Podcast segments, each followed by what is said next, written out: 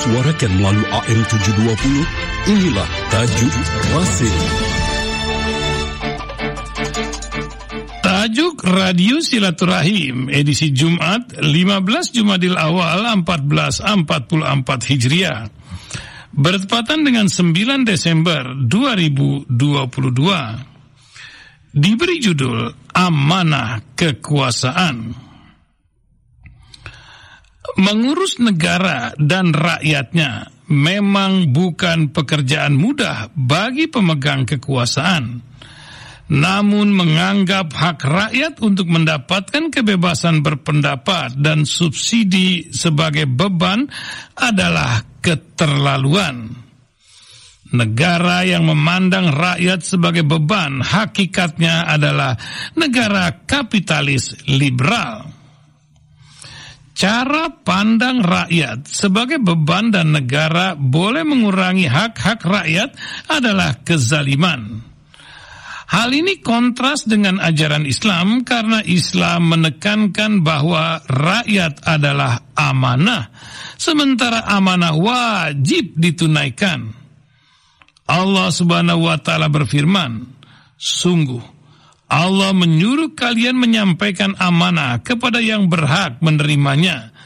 Demikian bunyi Quran surat An-Nisa ayat 58. Berkaitan dengan ayat ini, Sayyidina Ali bin Abu Talib berkata, wajib bagi iman atau imam atau pemimpin berhukum dengan Allah turunkan serta menunaikan amanah Islam menempatkan kedudukan penguasa di hadapan rakyat ibarat pengembala.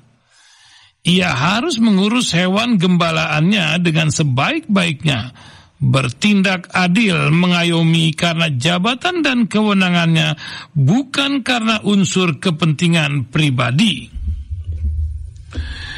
Dikisahkan satu ketika ada seorang gubernur di masa kejayaan khil, eh, kekhalifahan Islam menolak hadiah ikan lezat kegemarannya dari penduduk. Sikap ini membuat adiknya bertanya, alasan dia melakukannya. Sangat sederhana, ujar gubernur, seorang yang bijaksana. Sebaiknya tidak membiarkan kesenangan pribadinya diketahui oleh umum. Orang-orang itu berusaha memuaskanku. Jika aku terima, aku berutang pada mereka. Ketika membuat keputusan, aku ingin membelokkan hukum untuk membalas kebaikan mereka. Adiknya manggut-manggut saja. Sang gubernur melanjutkan, "Jika ini berlanjut, mungkin aku tertangkap dan kehilangan kedudukanku." Lalu siapa yang akan peduli kepadaku? Olehnya aku menolak kedermawanan mereka. Aku bebas mengatur diriku sendiri. Dengan membuat keputusan yang tepat dan tidak berat sebelah, dan aku dapat mempertahankan posisiku jauh lebih lama dan tetap akan membeli ikanku sendiri.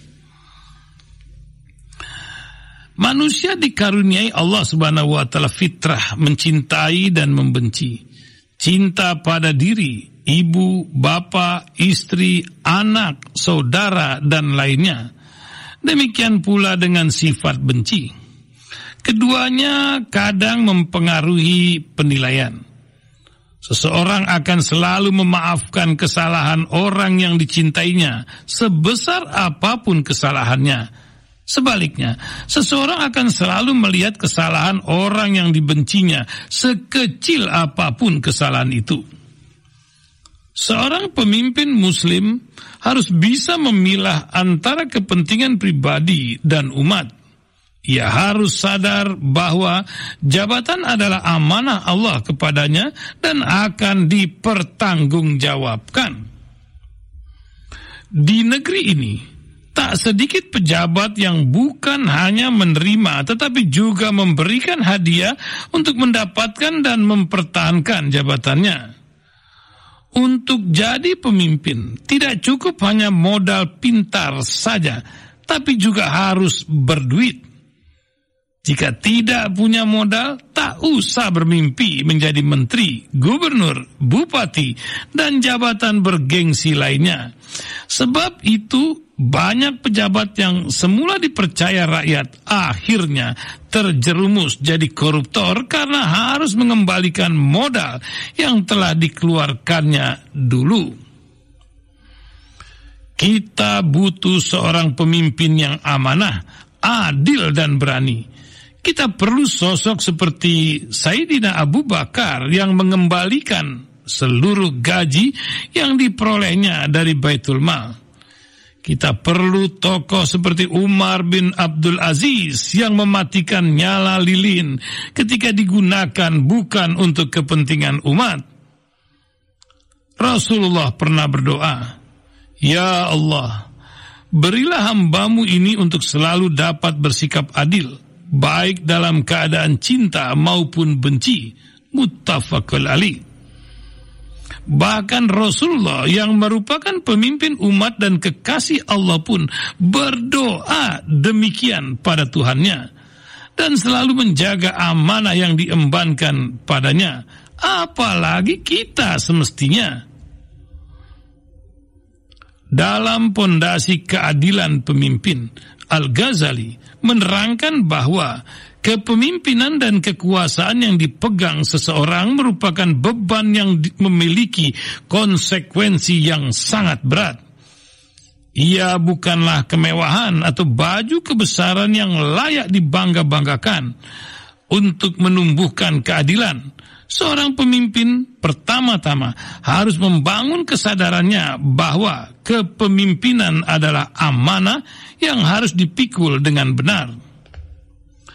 Al-Ghazali juga beberapa kali selalu mengulang dan menegaskan bahwa problem kepemimpinan adalah problem krusial yang membawa si pemangkunya pada dua kepentingan sekaligus diganjar pahala yang sangat besar atau dijebloskan ke dalam neraka yang paling dalam. Wallahu a'lam bissawab.